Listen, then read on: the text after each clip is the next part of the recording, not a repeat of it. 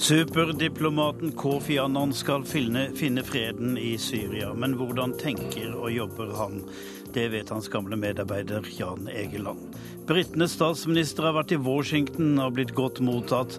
Hva er det med disse to landene? Vi spør seniorkjennerne Per Edgar Kokkvold og Geir Lundestad. Vi skal til Cape Town og møte den store krimforfatteren Deon Meyer. Vi skal til Riga, det eneste sted hvor de ærer Waffen-SS. Den britiske kongefamilien reiser verden rundt for å hylle mor. Og vi skal på kino i Teheran eller i Tel Aviv, for de ser den samme filmen. Velkommen til Verden på lørdag. Jeg heter Tom Christiansen, og korrespondentbrevet kommer fra Japan denne helg. To bilbomber vekket Damaskus' befolkning i morges.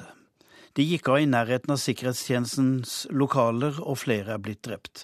Det er ett år siden de første protestene kom i Syria. Siden er 9000 sivile blitt skutt og gravd ned. Midt i kaoset står nå Kofi Annan, som FN og Den arabiske liga har bedt om å mekle og finne den umulige freden. Og i går la han fram sine krav for FNs sikkerhetsråd stop the violence, accelerate humanitarian assistance, and establish credibility and confidence for the political process when it is initiated. Hvordan ser Kofi Annans meklingsforsøk ut for dem det gjelder? Vår Midtøsten-korrespondent Sigurd Falkenberg Mikkelsen er i Beirut i nabolandet Libanon. Det var ingenting som minnet om en rask løsning på konflikten i Syria. Han advarte bl.a. om farene for en spredning av konflikten til regionen, og sa at han gjorde sitt beste for å få til en fredelig løsning, for at det til slutt skal være mulig å få satt i gang en politisk prosess som kunne lede til et demokratisk Syria. Det virker uendelig langt unna akkurat nå. Under linjene lå et ønske om at Kina og Russland skulle snu. For at Annan skal ha noen som helst mulighet til å lykkes, trenger han et forenet sikkerhetsråd i ryggen. Og den enigheten har ikke vært mulig å oppnå under det året som konflikten har vart til nå. Også hit til Libanon kommer flyktninger daglig, og menn i litt mindre antall enn til Tyrkia. Og når jeg den siste uka har spurt syriske flyktninger, politiske aktivister eller geriljasoldater om Kofi Annans oppdrag, har de alle gitt samme svar, med noen variasjoner. Ingen har tro på at han vil lykkes. Alle tror de Bashar al-Assad bruker dette for å kjøpe seg tid, for å ta unna det som måtte være igjen av internasjonalt press. De har blitt skuffet så mange ganger før. Nå føler de at de bare kan stole på seg selv. Jan Egeland, velkommen i studio. Som visegeneralsekretær i FN jobbet du tett med Kofi Annan. Hvordan jobber han nå for å finne en løsning? Så Kofi Annan er vel en av, eh, kanskje ikke bare en av, men den mest erfarne internasjonale diplomaten vi har. Han har vært inne i veldig mange meglingsoppdrag før. Han lyktes eh, i å avverge full borgerkrig i Kenya eh, etter valgene der eh, for et par år siden. Han har imidlertid i denne situasjonen som han sa selv i en samtale jeg hadde med ham da han var på vei til regionen, det vanskeligste oppdraget sitt noensinne. Og det tror jeg det er to grunner til. For det første fordi han kommer for seint i gang. Altså han ble invitert inn etter at dette har utviklet seg i ett år. Dette er, bitterheten er helt enorm. Eh, det er utrolig vanskelig å avslutte en konflikt som har nådd så langt. Og det andre er at det internasjonale samfunnet er i mye mindre grad enhetlig bak en løsning, og, og, og, og de står ikke bak enhetlig press på partene, slik de gjorde da de backet ham opp i Kenya i sin tid. Hvordan er det han jobber? Ja, Han er for det første flink til å lytte, til å høre. Men enda viktigere, han er flink til å bygge opp allianser, altså nettverk på forhånd. Mange tror at en megler er liksom en person som må komme på de mest mulig geniale kompromissene. Eh, det er sjelden slik. Det er, han, er et, han eller hun er sendebud på vegne av noen. I dette tilfellet Den arabiske liga og FN. Og da kommer man eh, etter hvert forhåpentligvis med et tilbud de kan ikke avvise. An offer they cannot refuse. Og det innebærer at du må ha en størst mulig gulrot og helst en veldig svær pisk. Har du ikke stor nok gulrot og ikke stor nok pisk, så vil parter, slik som Assad i dette tilfellet, som slåss med ryggen mot, eh, mot veggen, føle at nei, det er bedre for meg å fortsatt slåss, fortsatt knuse opp, opp, opp, opposisjonen. Og jeg tror det kommer dessverre til å være slik en god stund fortsatt. Lise Norheim, du har eh, bestyrt ambassaden i Damaskus og er nettopp eh, kommet hjem. Assad ønsker at Kofi Annan skal lykkes, sa en eh, talsmann. Ja, Assad, Assad, har ønsket, eller sagt, at, at Kofi Annan er, er, velkommen. Og han hadde to lange samtaler med ham da han var i Damaskus. Eh, sånn at eh, det Han ville vel neppe heller si noe annet, vil jeg tro. Men jeg er veldig enig i det som, eh, som Jan sier her om når Kofi Annan har kommet inn, at han har kommet inn seint, og at, at, at, Assad nok kan holde på lenge, og at vi kan se at dette drar ut i tid. Og jeg syns nok at det vi så da han hadde den første samtalen med Kofi Annan på forrige lørdag, Eh, så så vi at de satt og snakket sammen samtidig som da hæren, Assads hær begynte sin store offensiv i byen Idlib. Og det er for meg en eh, nokså påfallende signal å gi når du begynner med i forhandlinger eller begynne samtaler i noe du sier at du ønsker skal lykkes. Egeland, hvor konkret er Kofi Annan overfor Assad om hva som skjer utenfor døra, hvilket Assad muligens ikke riktig vet? Jo, han er veldig konkret. Eh, altså Det er et veldig stort sprang mellom det en forsiktig mann som Kofi Annan vil si utad, og han har blitt kritisert fra mange hold, både i Syria-konflikten nå og i tidligere konflikter, om at det er for ullent, det er for uklart. Han burde, han burde fordømt den ene eller andre parten mye mer. Utad vil han komme med veldig generelle eh, erklæringer. Innad har han kommet med et helt sett av forslag, det vet vi eller egentlig nærmest ultimat, ultimate krav fra det internasjonale samfunnet. Humanitær tilgang, våpenhvile, eh, en overgangsordning for å komme ut av det, eh, den regimesituasjonen man har, osv. Og det det settet av krav han har lagt fram, som han må prøve å bygge et mest mulig troverdig press bak.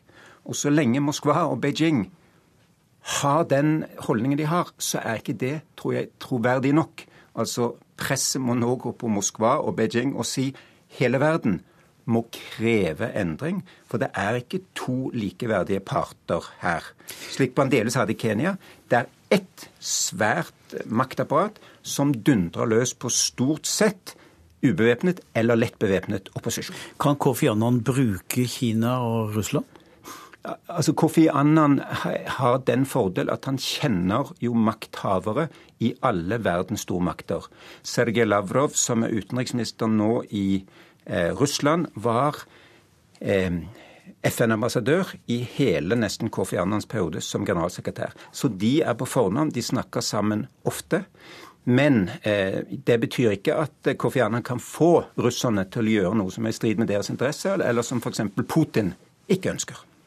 Aud Lise Norheim, i Damaskus har du hatt kontakt med alle. Aktivister, eh, opposisjonen og regimet. Hva, eh, hvor mange mennesker kan stå bak Assad? Hva har han å støtte seg til? Det er veldig vanskelig å si hvor mange det er. Og jeg tror vi må dele det Vi kan på en måte dele befolkningen i tre grove grupper, for å si det sånn. Det er de som støtter opprøret. Det er de som støtter Assad. Og så er de i midten majoriteten, den store majoriteten som ikke nødvendigvis støtter Assad, men som er redde for hva som kan komme, og som først og fremst ønsker stabilitet. Og jeg tror at det er, eh, altså som Jan har vært inne på, at ting har gått veldig langt før man har kommet i gang med løsningsmuligheter. Eh, sånn at regimet har på mange måter kunnet klart å sette dagsorden med hvordan, hvordan, de skremmer befolkningen på hva som, hva som, vil skje hvis det blir opprør, hvis det blir en endring. ikke sant? Sånn at det de har klart veldig bra, er jo altså i negativ betydning, er at de har klart å si at opprøret fører til sekterisme i, i Syria. I dag så er eh, Syria et sekulært samfunn, dvs. Si, uh, Assad-familien over de 40 årene de har styrt, har klart å spille de ulike religiøse gruppene ut mot hverandre og gi privilegier på ulike måter. Og nå skremmer de ved å si at hvis opprørerne når fram, så får du en sekterisme. Og da får du, da får du hevnaksjoner. Hvordan vil du beskrive aktivistene i Syria? Ja, Aktivistene er det mange ulike av også. Eh, vi har eh, opprørsgruppene med, med, våpen. Eh, de har jeg ikke hatt kontakt med. Jeg har hatt kontakt med aktivistmiljøer, som er de som begynte som fredelige fredelige demonstranter og som gjerne ønsker å fortsette med det. Altså, de har disse flash-demonstrasjonene hvor de er raskt ute og raskt inne igjen, men hvor de demonstrerer. Du har menneskerettighetsaktivister som stadig blir tatt inn for arrestasjoner og som blir forhørt, og vi hører om tortur eh, i disse miljøene når de, er, når de, har vært inne til arrestasjon. Og dette er en gruppe ganske unge folk ofte som, eh, som ønsker å ha en fredelig demonstrasjon, som ønsker å ha en fredelig overgang, som ikke ikke ønsker sekterisme, og som ikke ønsker væpna eh, grupper, sånn som vi ser, eh, ser, en del av. Så de ønsker ikke den militariseringa som jo også er en del av hele bildet, ved at du har utenforstående, ved at du har land i regionen som nå sier at de er beredt til å, å komme inn med mer, mer, mer våpen. Så, så, det er, så, det er, mange grupper. Og så har du da eh, i tillegg har du da de mer sånn etablerte Eller det blir feil å si etablerte opposisjonspartier i et system hvor du ikke har kunnet ta partier, men mer etablerte grupper, egentlig. Eh, som da er eh, mer av den eldre garden igjen. Sånn at vi ser også generasjons, en generasjonskløft i, i, det opprøret som skjer. Det er mange som har fryktet at å fjerne Assad kan skape kan destabilisere hele regionen? Ja, det, det, altså Du kan si at det er jo det regimet selv spiller på, nettopp ved å bruke dette sekteriske kortet. For de, de, spiller mye på at du har Al Qaida-grupper, de spiller på at du har Saudi-Arabia som kommer inn med sine sunni-interesser, at Qatar har sine interesser. Vi vet også at Iran har helt klare interesser. ikke sant? Så det ligger allerede en nokså klar regionalisering der, eh, som, som, representerer en, eh, en, fare. Men dette eh, regimet spiller helt klart på akkurat det kortet der, med å, med å si at det er de som representerer stabiliteten. Egeland, står det mye prestisje på spill for Kofi Annan? Eller egentlig ikke for ham personlig. Han Eh, han, han, sa at uh, hjelp, uh, hjelp meg å ta ned forventningene. Altså Han følte det var helt urealistiske forventninger til ham som megler, gitt det at han kom inn etter at det begynte. Det er også ofte et av problemene til meglere som ham. Så menneskene som blør og dør i Syria, de føler naturlig nok svimlende frustrasjon. Både med Kofi Annan og hans eh, manglende gjennombrudd, og ikke minst med det internasjonale samfunnet, som tilsynelatende står og ser på at du har et regime som i året 2012 dreper kvinner og barn på denne måten.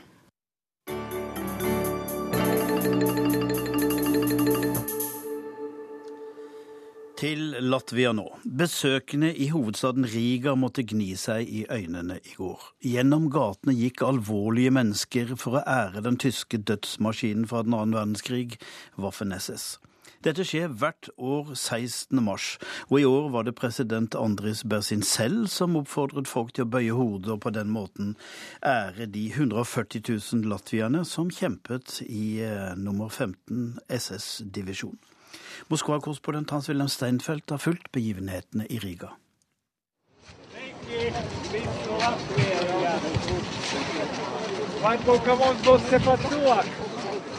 Den årlige markeringen i Riga 16.3 for å hedre minnet av 15. SS-divisjon Latvia hadde i år ingen formell møtetillatelse, men president Andris Bersins oppfordret folk i forkant til å bøye hodene i respekt for SS-soldatene som slåss mot Den røde armé da den kom vestover igjen i 1943. 15 000 latviere ble deportert i 1940-1941 til Sibir etter at Sovjetunionen ulovlig annekterte Latvia. Men de neste to årene myrdet nazistene, med udiskutabel deltakelse av de 140 000 latviere som fra 1943 gikk inn i den 15. Waffen-SS-divisjon, 70 000 av Latvias 85 000 jøder, samtidig som SS-troppene slåss mot den fremrykkende Røde armé fra og med 1943. Latvias president grunnga sin oppfordring om å hedre SS-soldatenes minne med at de bare var profesjonelle soldater, men det internasjonale domstribunalet over nazismen i Nürnberg etter krigen stemplet hele SS som en krigsforbryterorganisasjon. I Riga synges imidlertid patriotiske sanger nå til minne om 140 000 latviske medlemmer av SS.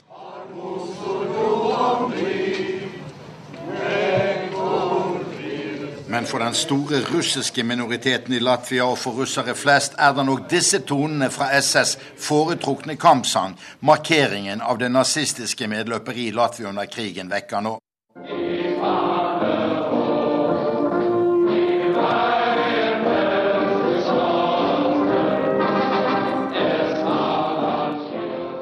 Og på motmøte i regi av Latvias antifascistiske komité i går er det russiske røster med parolen om at Latvia må være uten fascisme, som lyder.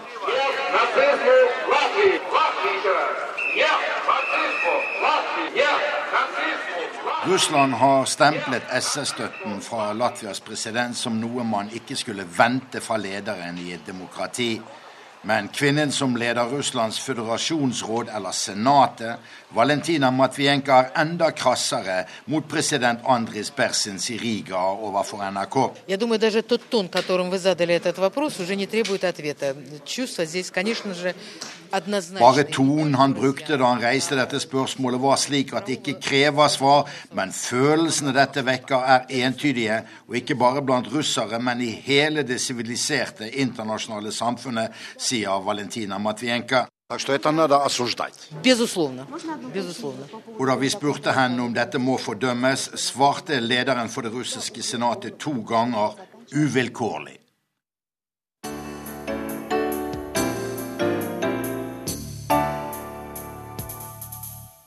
Så til noen eh, løgner om Afrika og et oppgjør med elendighetsbeskrivelsen. Dagens Sør-Afrika beskrives som korrupt og voldelig, selv om det er godt vær og god vin. Vi leser om presidentens fem koner og 22 barn, de fleste med andre kvinner, og folk bor fortsatt i skur. Myter, sier krimforfatteren Deon Meyer. Jeg traff han i Cape Town, og han har et spørsmål til skuffede skandinaver. Hva trodde dere var mulig å få til på mindre enn 20 år? I really don't think those expectations were realistic. You must remember that when uh, the ANC took over, when they won the election in 1994, they had no experience in governing a country. They had to learn to govern a country. We had these huge uh, differences between rich and poor, um, problems that, that still exist today, although to a much lesser extent. The challenges that the ANC faced has not been faced by any Western government for many, many years. ANC måtte begynne nedenfra, sier Dion Meyer. De inntok regjeringskontorene i 1994 og måtte lære alt. De hadde aldri drevet et land før, aldri sittet i regjering, bare i fengsel, mange av dem. Det var store forskjeller mellom rike og fattige, og det er det fortsatt, men de er blitt mindre. Ingen vestlige land har måttet gå gjennom det ANC gjorde, og de har klart det. Herregud, mann, de bygger 700 hus om dagen. Økonomien den er bedre enn noe europeisk land, med en vekst på 6% mens middelhavslandene nærmest går konkurs. Sør-Afrika har funnet løsninger, kanskje andre enn dem europeere ville gjort, sier Meyer. Men forventningene var urealistiske, og dessuten var forventningene veldig moralske, med Mandela og Tutu og Oliver Tambo og Walter Sesulu i ledelsen. Vi er jo ikke mer enn mennesker. Deon Meyer selger sin krim i store opplag. Han sammenlignes nå med John Le Carré. Hans neste bok kommer på norsk denne måned. Vi skulle snakke om krim, men renner rett inn i sammenligninger. Hvor ille er Sør-Afrika? Hvor mye vold er det? Det irriterer ham. Husk at Sør-Afrika har hatt demokrati i snaut 18 år. The only other country that you can really compare us to in terms a lot of statistics, not only crime but social and economic statistics, is Russia. Russia had this, an, uh, an oppressive system. They came out of it. But you can't compare because, firstly, Russia is not a democracy. Secondly, you can't believe Russia's crime statistics. Um, there's so much corruption in the police in Russia. I think the government hides a lot of crime statistics. So, who do you compare us to? Det eneste landet du kan sammenligne Sør-Afrika med, er Russland, sier Deon Meyer. Begge led under massiv undertrykkelse, begge fikk en fredelig overgang til folkestyre, men der slutter også sammenligningene. Er Russland et demokrati, egentlig? Korrupsjonen flommer, men den er skjult i statistikken, for tallene du får fra det korrupte politiet, er ikke troverdige. Ser du på krimstatistikken, ligger Sør-Afrika på linje med Spania og Italia. For slik er det hele tiden. Journalister kommer fra Europa og sammenligner med Europa. Det har et ord eurosentrisk. European uh, journalists.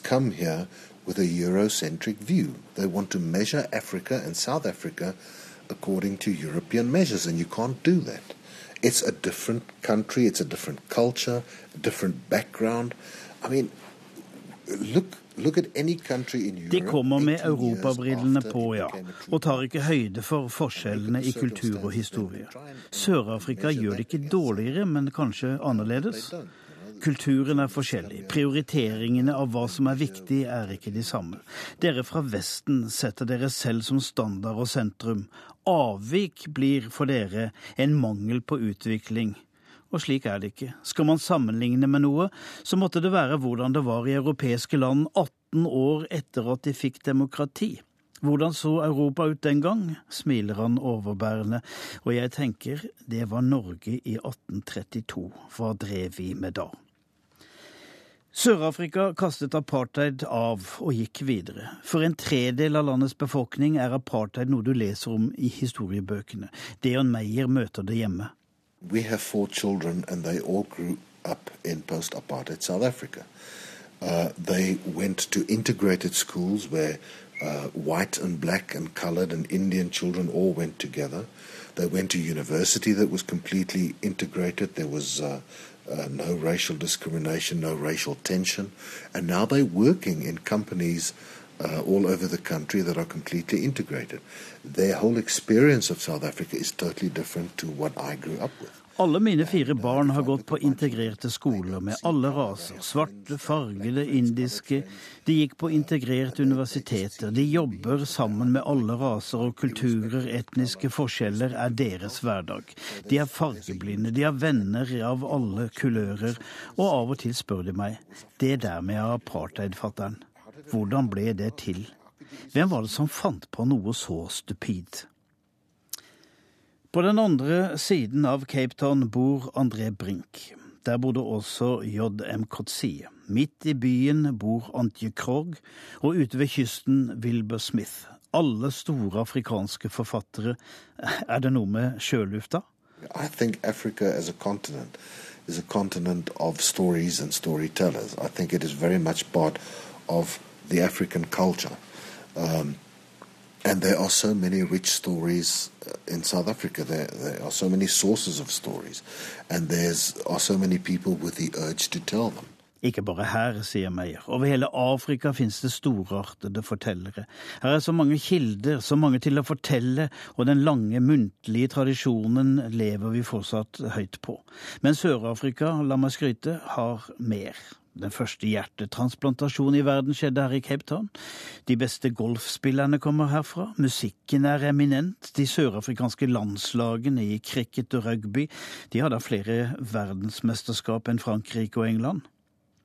Og så en spesialitet for observantet. Deon Meyer nevner alltid rase.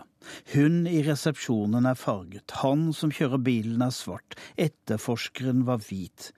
Men det er ikke et hang-up fra apartheid-tida. Og det er ikke klassifisering. Det er mangfoldet de alle er så stolte av. We are the rainbow nation. We have in South Africa, we have uh, nine different official languages, we have 11 provinces, and we have so many different ethnic groups. Um, when I meet a Xhosa, then the Xhosa person will say, I'm a Xhosa. Vi er en regnbuenasjon, som erkebiskop Desmond Tutu beskrev oss. Vi har ni offisielle språk, et mangfold av etniske grupper og flere religioner. Dette som før skilte oss fra hverandre, gjør oss nå til et fargerikt fellesskap. Zulu, Kosa, sudu. Det er ikke raser, det er kultur. Og når jeg skriver at resepsjonisten er farget, er det for at du skal forstå hvorfor hun kaller politimannen my brother, for han er også farget. Boka han kommer med nå på norsk, 'Spennende spor', plasserer Al Qaida og internasjonal terrorisme i Sør-Afrika. Er det slik?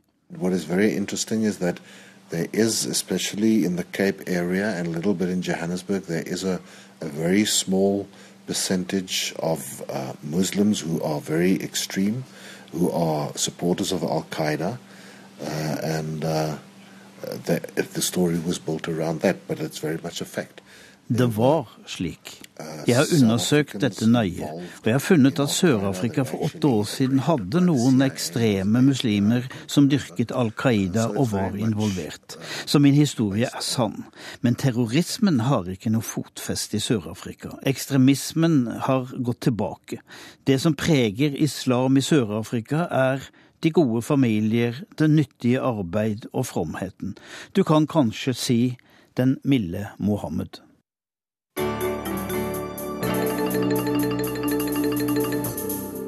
Du lytter til Verden på lørdag. Hør videre om kinogjengere i Teheran og Tel Aviv. De ser den samme filmen til den israelske regjerings store irritasjon. Den britiske kongefamilien reiser verden rundt for å få oss til å hylle dronningen. Og korrespondentbrevet handler om alt fra atomulykker til elektriske toaletter i Japan. Britiske statsminister David Cameron har vært i USA, og det dekkes som en verdensbegivenhet. Han har besøkt sin kollega president Barack Obama. De har vært på baseballkamp sammen, de har flydd Air Force One sammen, hvilken ære, og Obama har sagt at det er Cameron han ringer først til om verden går av hengslene. Hva er det med disse to landene og forholdet seg imellom? Det skal vi se på ved hjelp av to herrer med sølv i håret. USA-eksperten Geir Lundestad og Storbritannia-eksperten eksperten Per Edgar Kokkvold. Lundestad, er det koketteri når Obama kjeler for Cameron? Nei, det er det jo ikke. Men det er kanskje også litt koketteri. Eh, disse to landene har jo vært eh, veldig nære samarbeidspartnere, og de er fortsatt eh, nære samarbeidspartnere. Men for å si det sånn, så betyr jo Storbritannia mindre enn før. Og USA har mindre fokus mot Europa og mot Storbritannia enn det hadde tidligere. Men Storbritannia kommer jo inn fortsatt i de sentrale spørsmål. Afghanistan, Irak, Libya, Syria. Så det er veldig fint å ha en tett og god samarbeidspartner. Og det er klart at språket og kulturen betyr ganske mye. Det, de, de samtaler lett, og de har i stor grad en felles kultur. Men er eh, Storbritannia en slags puddel for amerikanerne? Greit å ha med når du skal i krig, for de er villige til å krige? Vel, det var jo dette David Cameron tok et eh, oppgjør med da, da han eh, ble statsminister. Han skulle ikke være puddel. Han skulle ikke være en ny Tony Blair. Og det er klart, Storbritannia er aldri, selv under Tony Blair, var jo Storbritannia en puddel for USA, da. Men det er jo ingen tvil om hvem som er seniorpartneren i dette. Det er USA. The Special Relationship er først og fremst et special relationship for Storbritannia. De er veldig opptatt av å skaffe seg makt gjennom sine, sine tette bånd til USA. Samveldet betyr jo ikke så mye. Storbritannia har jo aldri kommet ut av dette med Europa, og da må de på en måte låne makt eh, gjennom USA. USA har mange special relationship. Eh, jeg var jo i USA her ganske nylig, og rett før Cameron kom, så kom det jo en annen som var enda mer spesiell da, og fikk enda mer hyllest, og det var jo den israelske statsministeren Netanyahu. Og så, så, USA og Israel har jo et spesielt forhold. USA har jo et veldig spesielt forhold til Canada, delvis også til Mexico, eh, delvis også til Saudi-Arabia. Sånn at USA har mange eh, special relationship, men Storbritannia har ett. Per Edgar Kokkvold, hva er det som får det loslitte, pengelense, klassedelte Storbritannia til å tro at de er noe stort i verden? Nei, de er jo fortsatt en ganske stor, mellomstor makt. Den tredje største i Europa. Utvilsomt står de nærmest, nærmere amerikanerne enn noen annen. Altså Husk på, USA ble kolonisert av briter. Frigjort gjennom en krig med Storbritannia. Den, disse, disse landene har stått sammen i to verdenskriger.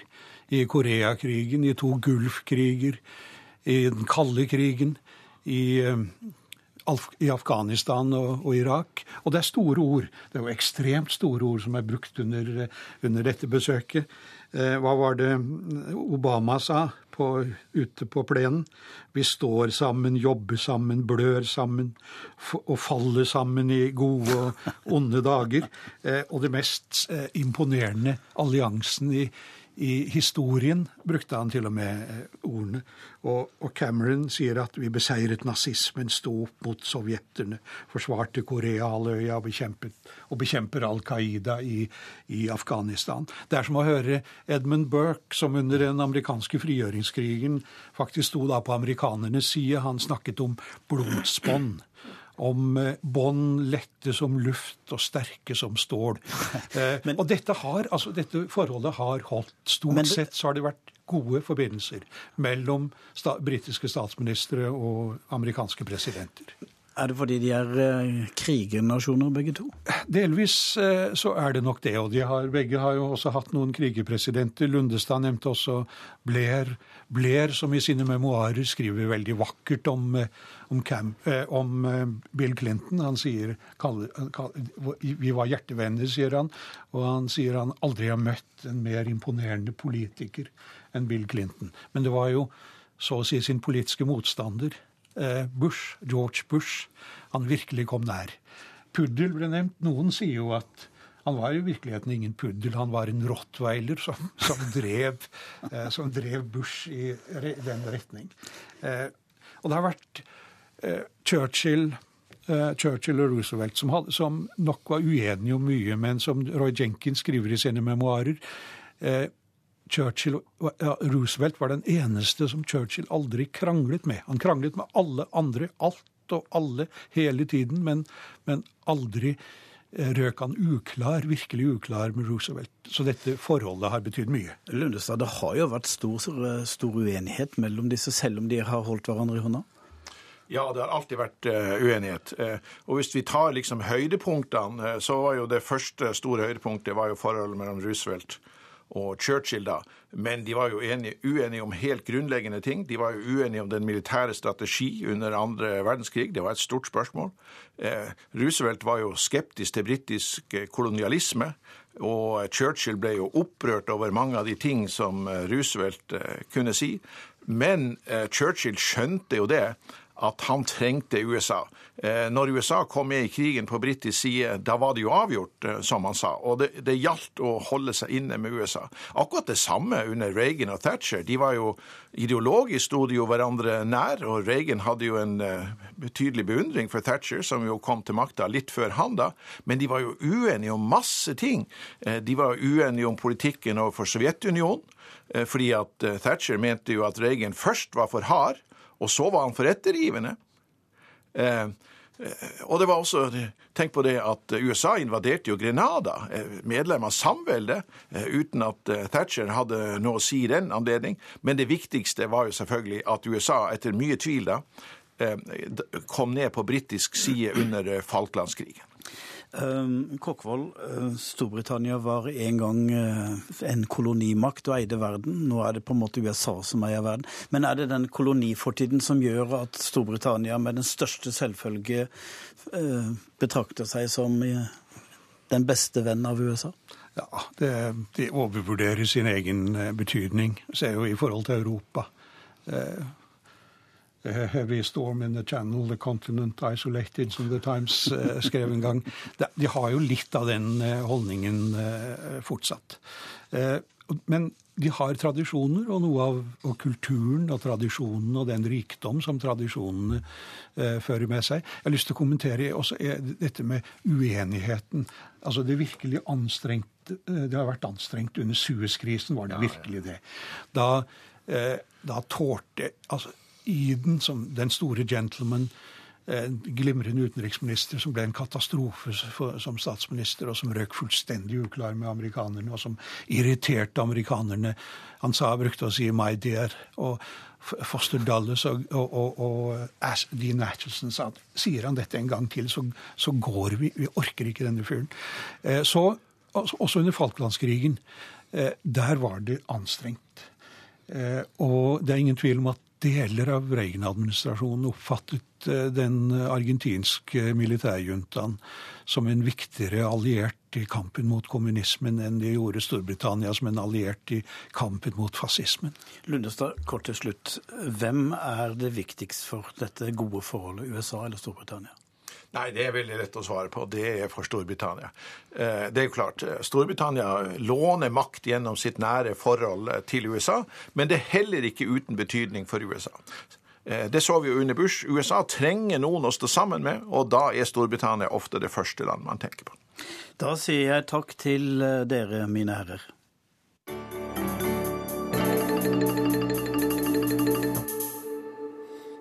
Ikke opp britene så lett, for mens statsministeren har vært i USA, har kongehuset vært overalt. De vil ha verden til å feire at dronning Elisabeth 2. har sittet 60 år på tronen uten å få sittesår. Hun har iscenesatt hyldesten av seg selv, og hele familien deltar. Og til uka kommer forresten prins Charles til Norge i samme ærend. Og vår London-korrespondent Gry Blekastad Almås følger nøye med.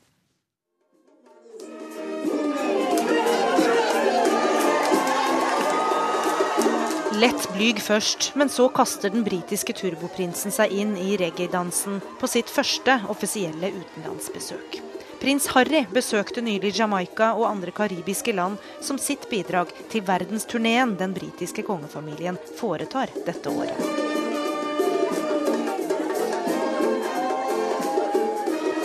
tell you what, um, it's been a it's been an emotional trip. Um, I personally had no idea how much Dette har vært følelsesladet for meg. Jeg ante ikke at dronningen hadde så stor innvirkning på folk i disse landene, sier Harry. Stor jubel var det også i den engelske byen Leicester nylig, der jubilanten selv startet sin del av jubileumsmaratonen.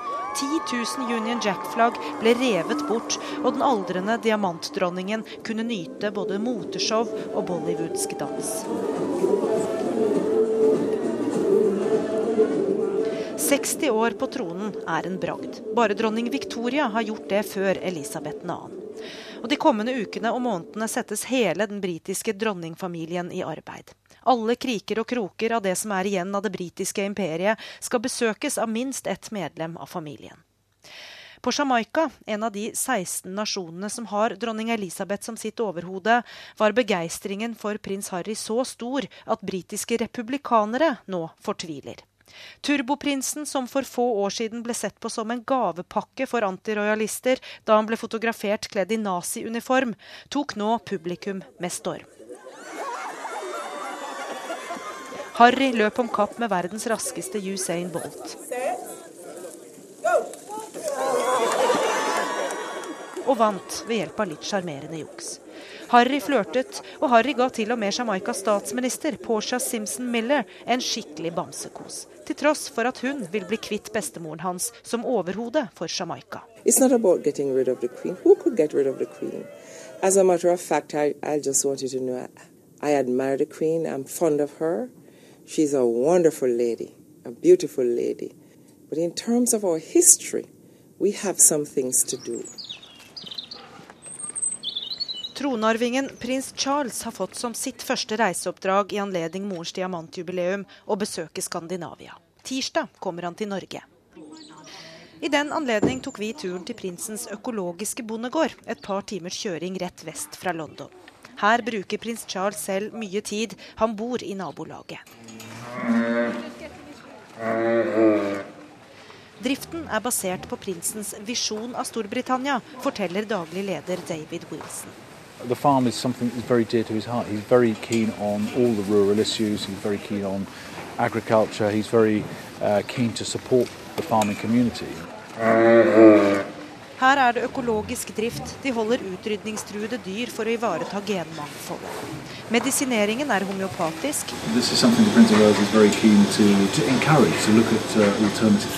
De sparer på drivstoffet og tar vare på eldgamle tradisjoner. Prins Charles er undervurdert, mener David Wilson, som arbeider tett med den idealistiske tronarvingen. Folk misforstår prins Charles, mener han.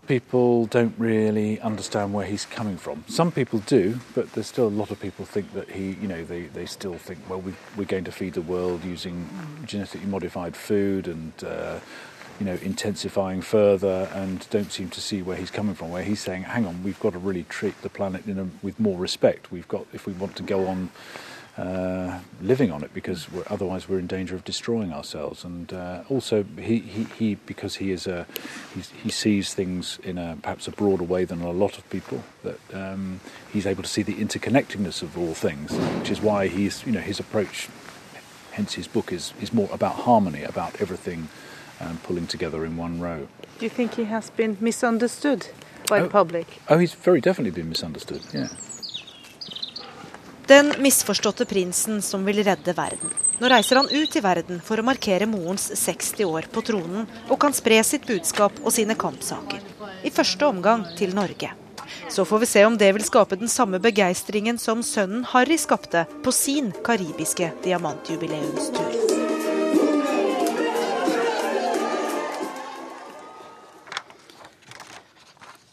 I Israel strømmer folk til kinoene for å se en iransk film. På overflaten er de to landene fiender, men folk er nå engang nysgjerrig på hverandre. Den iranske filmen En separasjon vant nylig en Oscar, for øvrig i skarp konkurranse med en israelsk film. Det er den de nå går og ser, i Teheran som i Tel Aviv. Sissel Wold har sett nærmere på denne filmhendelsen fra Midtøsten. From Israel, Footnote, directed by Joseph Cedar. From Iran, A Separation. Siden 1956 har Israel vært nominert hele ti ganger for beste utenlandske film, men har aldri vunnet. Iran, Iran derimot fikk sin første Oscar-statuett i år, etter sin andre nominasjon.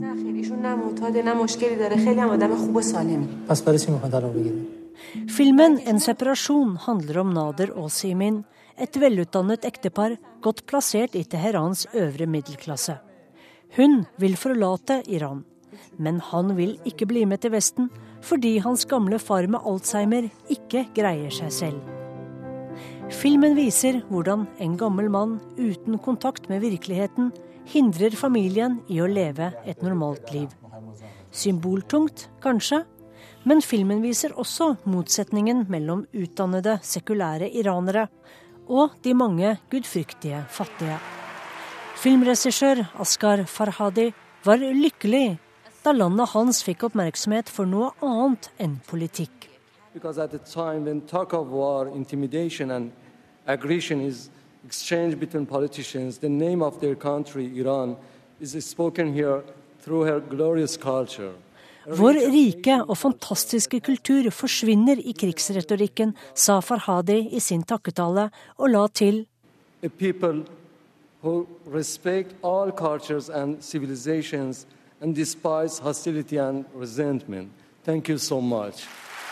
Vi iranere respekterer alle folk og sivilisasjoner. I Israel hører man bare om Iran som en trussel mot den jødiske statens eksistens. The Jewish state will not allow those who seek our destruction to possess the means to achieve that goal. A nuclear armed Iran must be stopped. Statsminister Benjamin Netanyahu omtaler president Ahmadinejad som verdens nye Adolf Hitler. Like fullt har mange kinoer i Israel satt opp den iranske filmen, og til kinosjefenes overraskelse kommer mange for å se den. Det er klart en Oscar hjelper en film frem. Men stadig flere kommer nå for å se den, og det er ganske overraskende for oss, sier Avner Pollak fra den israelske kinokjeden Lev. Kinesisk fjernsyn har snakket med filmpublikum i Tel Aviv. במיוחד אהבתי את הגיבור הראשי ועם הדילמה שהוא, שהוא התמודד.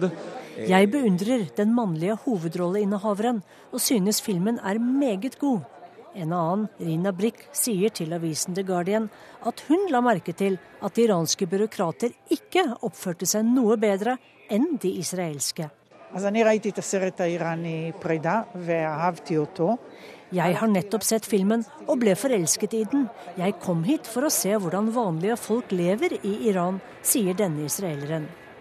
Iranskfødte Rifka Cohen, som emigrerte til Israel for 63 år siden, var overrasket over å se at alle iranerne har fått vaskemaskin og kjøleskap hjemme.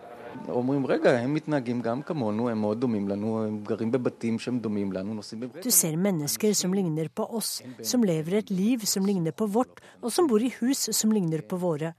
Når du ser filmen, tenker du ikke på atomvåpen, for spenningen er mellom lederne våre, ikke mellom folkene, sier filmkritiker Yair Rave.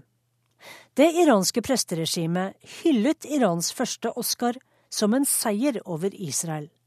Men før Oscarshowet kritiserte det samme regimet filmen for å ydmyke Den islamske republikken.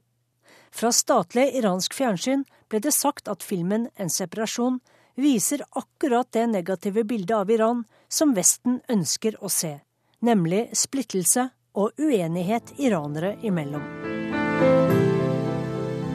Sikkert er det at filmen bringer Irans hverdagsmennesker og deres liv nærmere både israelere og oss andre.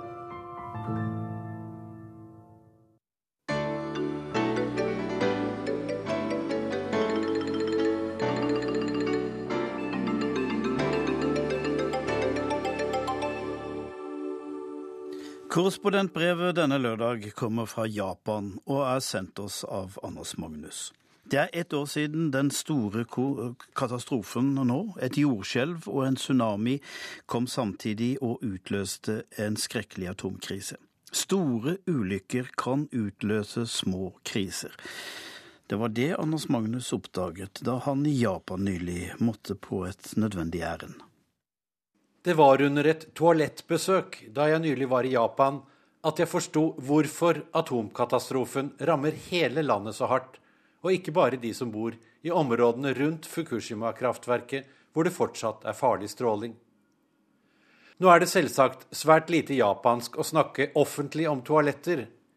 Japanerne er trolig klodens mest høflige og diskrete folkeslag, og de gjør alt som er mulig for å unngå at en samtalepartner skal føle seg utilpass eller støtt. Så beklager alle japanere som måtte høre på, men jeg tar likevel sjansen. Hjemme hos en familie vi besøkte, spurte jeg høflig om å få bruke det minste rommet i leiligheten. Med det samme jeg åpnet døren, fikk jeg en overraskende velkomst. Lokket på toalettet spratt opp av seg selv, og selve setet var varmt og godt, fyrt opp med elektriske varmekabler. Da jeg skulle trekke ned dette mitt ærend, fant jeg ingen knapp for dette formålet. Problemet løste seg likevel. Toalettet sørget selvsagt for automatisk nedspyling. På veggen i det vesle rommet var det innfelt et ganske omfattende panel med knapper og lysdioder, men siden teksten var på japansk, måtte jeg først få det oversatt. Her var det en katalog av muligheter for den toalettbesøkende. Man kan få spylt stumpen, hardt eller mykt, med trinnløs styrkeregulering. For kvinner er det i tillegg et eget spyleprogram for de fremre underlivsregioner.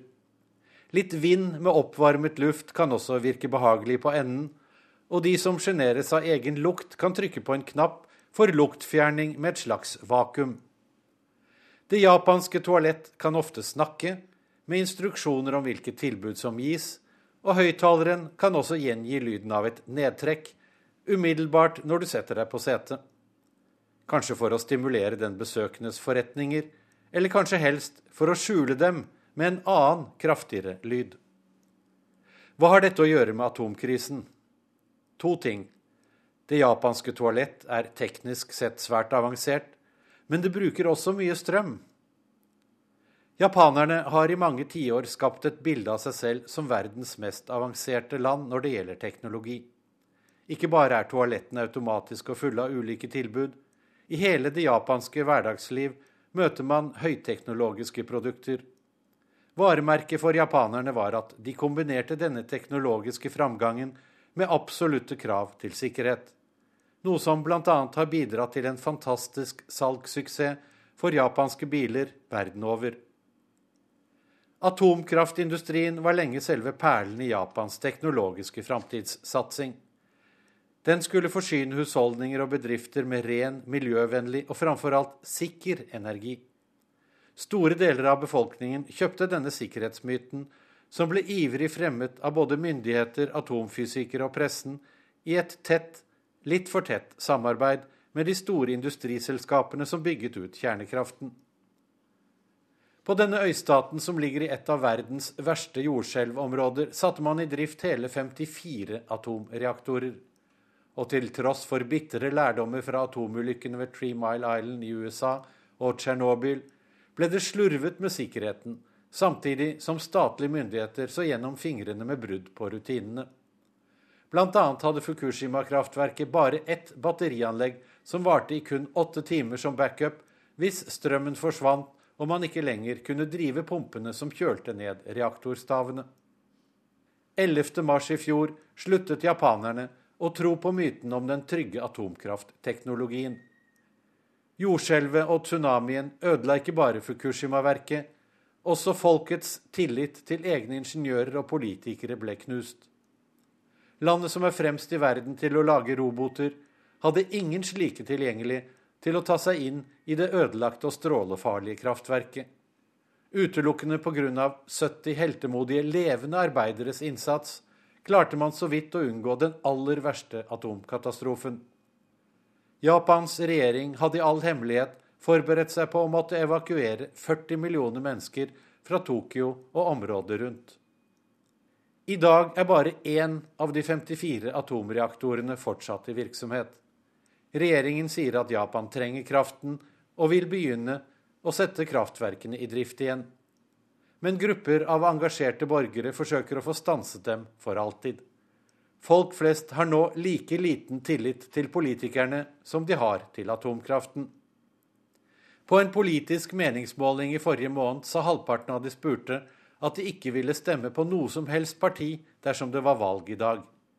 De stoler ikke lenger på autoritetene som har holdt unna så mye viktig informasjon om hva som egentlig skjedde da Fukushima-verket ble ødelagt. Samtidig med sammenbruddet i den tradisjonelle autoritetstroen har det vokst fram en sterkere følelse av at hver enkelt nå må sørge for seg selv. Kollektivet er der ikke lenger for å ordne opp. Særlig er dette følbart i områdene i nordøst som ble hardest rammet av tsunamien. Både folk og lokalmyndigheter klager over liten støtte fra regjeringen i Tokyo. Toppolitikerne kommer hit og ser seg om i elendighet noen timer før de drar tilbake, sier Yoko, en kvinne som sammen med mannen sin holder på å bygge ut et nytt hotell mellom de trøstesløse ruinene i byen Yamada. Men de aner ingenting om hvordan det virkelig er å bo og leve her nå, fortsetter hun med forakt i stemmen.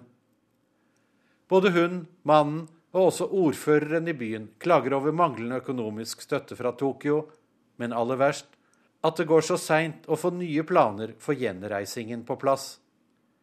Annet mangler de godkjenning for den nye tsunamiveggen som må mures opp.